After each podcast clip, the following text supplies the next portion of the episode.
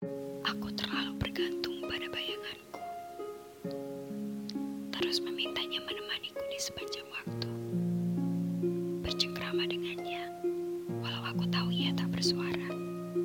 Diam dan membisu.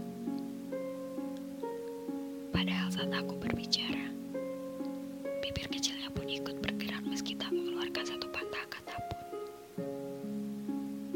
Saat tak ada cahaya, Duniaku seakan benar-benar sepi, sunyi, sendiri, tanpa ada yang menemani. Aku sempat benci pada cahaya, tapi memang bukan salahnya. Ia mengajarkanku untuk tidak terus bergantung pada orang lain. Belajar sendiri melawan sepi dalam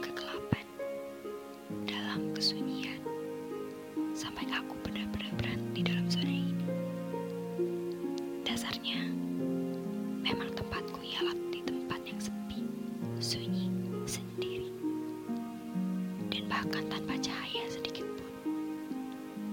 Cahaya menghilang, bayangan pun ikut pergi, dan aku masih terjebak